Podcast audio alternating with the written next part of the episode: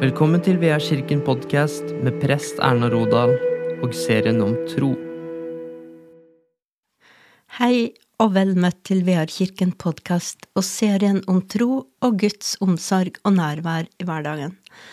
I forrige podkast så snakka jeg om å ha blikket festa på Han som er troens opphavsmann og fullender Jesus, istedenfor å se på omstendighetene rundt oss. I dag skal jeg si noe om hvordan Gud definerer oss, og hvordan Han ønsker at vi skal se våre medmennesker. Jeg skal først lese fra Lukas evangelium kapittel 6 og vers 36. Vær barmhjertige slik deres far er barmhjertig. Døm ikke, så skal dere ikke bli dømt, fordøm ikke, så skal dere ikke bli fordømt. Ettergi, så skal dere få ettergitt. Gi, så skal dere få. Et godt mål, sammenristet, stappet og breddfullt skal dere få i fanget, for i det målet dere selv måler, skal det også måles opp til dere. Han fortalte dem også en lignelse. Kan vel en blind lede en blind, vil ikke begge falle i grøfta? En lærling står ikke over sin mester, men når han er utlært, blir han som sin mester. Hvorfor ser du flisen i din brors øye, men bjelken i ditt eget øye legger du ikke merke til? Hvordan kan du si til din bror, Bror, la meg ta flisen ut av øyet ditt, når du ikke ser bjelken i ditt eget øye? Din hykler, ta først bjelken ut av ditt eget øye, da vil du se klart nok til å ta flisen ut av øyet til din bror. Og så vil jeg lese et vers fra Jesaja, kapittel 43 og vers 4. Du er dyrebar i mine øyne, høyt aktet, og jeg elsker deg. Jesus gikk rundt i Galilea sammen med disiplene sine og talte til folket. Vær barmhjertig slik deres far er barmhjertig, sa Jesus. Det er tydelig at det er de troende jødene Jesus taler til. Det er de som har Gud til far, på samme måte som også vi har Gud til far ved troen på Jesus. Jesus formana om å vise barmhjertighet og kjærlighet og godhet, og ikke dømme andre mennesker, men heller hjelpe dem. Kanskje var det noen fariseere og skriftlærde også blant de tilhørerne. De var jo kjent for å være egenrettferdige og arrogante, og på den måten ble de det Jesus beskriver som blinde veiledere. De så ikke sine egne svakheter, men bare andres.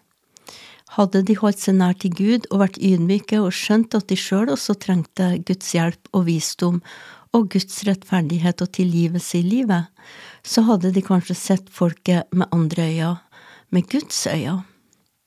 Han som viser barmhjertighet og er full av nåde, han som elsker hvert menneske med inderlig kjærlighet, han som sier at du er verdifull, høyt akta og at han elsker deg. Han som elsker oss så høyt at han gikk i døden for oss og vil være med oss alle dager inntil verdens ende. For det er et sterkt løfte det Jesus har gitt oss om at han vil være med oss alle dager inntil verdens ende, fordi han elsker oss. Vi lever i en verden som setter merkelapper på oss, og som hele tida vurderer oss og definerer oss etter ytre ting og våre prestasjoner, høy eller lav, tykk eller tynn, rik eller fattig, vellykka eller mislykka. Leser vi hva media skriver om kjendiser som musikere, politikere eller sportsutøvere, så skal det ingenting til for de kritiseres. Og det er ikke konstruktiv kritikk det er snakk om. Nei, de slaktes. Hvis en fotballspiller, musiker eller politiker gjør en liten tabbe, så kan vi lese i media at de slaktes, og her er det ingen nåde å få. Går vi til Facebook eller Instagram eller andre sosiale plattformer, så er det samme tonen. Men la oss heller gå tilbake til Guds ord og la Han, som har skapt oss i kjærlighet, definere oss. Han kaller deg sin elskede det kan vi lese i Romerne 9,25. Du er dyrebar i hans øyne, Du er hans dyrebare skatt. Det kan vi lese i Femte Mosebok sju og vers 6. Du er hans barn. Det står det i Johannes 1,12 og i Romerne 8,17. Du er tilgitt. Det kan vi lese i Hebreerne 10,17. Og du er dyrebar, høyt verdsatt og elsket, kan vi lese i Jesaja 43 og vers 4. Sånn ser Gud på deg og meg. Gud ser gave og kvaliteter i oss som ingen andre ser, og som kanskje ikke vi heller ser, men som Han som er skaperen, veit Han har lagt ned i oss, og som Han veit kan bli synlig en dag når vi går med Han og tar innover oss det Han vil lære oss gjennom sitt ord i Bibelen og i vandringa med Han. Og ikke bare det, men Han ønsker også at vi skal se på våre medmennesker på samme måte som Han ser på oss. Jesus ønsker at vi skal være mot andre mennesker som Gud er mot oss. Tingen er at vi må først skjønne hvordan Gud ser på oss, før vi forstår hvordan Gud ser på våre medmennesker, og hvordan Han vil at vi skal møte dem. Da kan vi se dem som Gud gjør. Og når vi møter de menneskene vi har rundt oss, for eksempel naboen, der kommer jo en som er dyrebar for Gud, høyt verdsatt og elska av Gud. Wow! Hva tenker vi om naboen da? Hvordan hilser vi på naboen som er elsket og dyrebar for Gud? Og hvordan er vi i møte med vår bror eller søster når vi veit at de er dyrebare for Gud og høyt elsker Han? Jeg tenker at her er nøkkelen til å ikke stadig dømme og kritisere vår neste. Gud er en raus Gud, og Han vil at også vi skal være rause, overbærende og barmhjertige og ettergivende og vise kjærlighet, men da må vi la Han få definere oss først.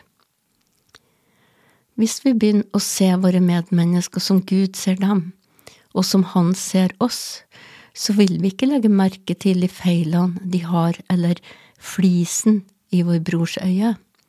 Og da vil vi heller ikke lenger ha en bjelke i vårt, vårt eget øye.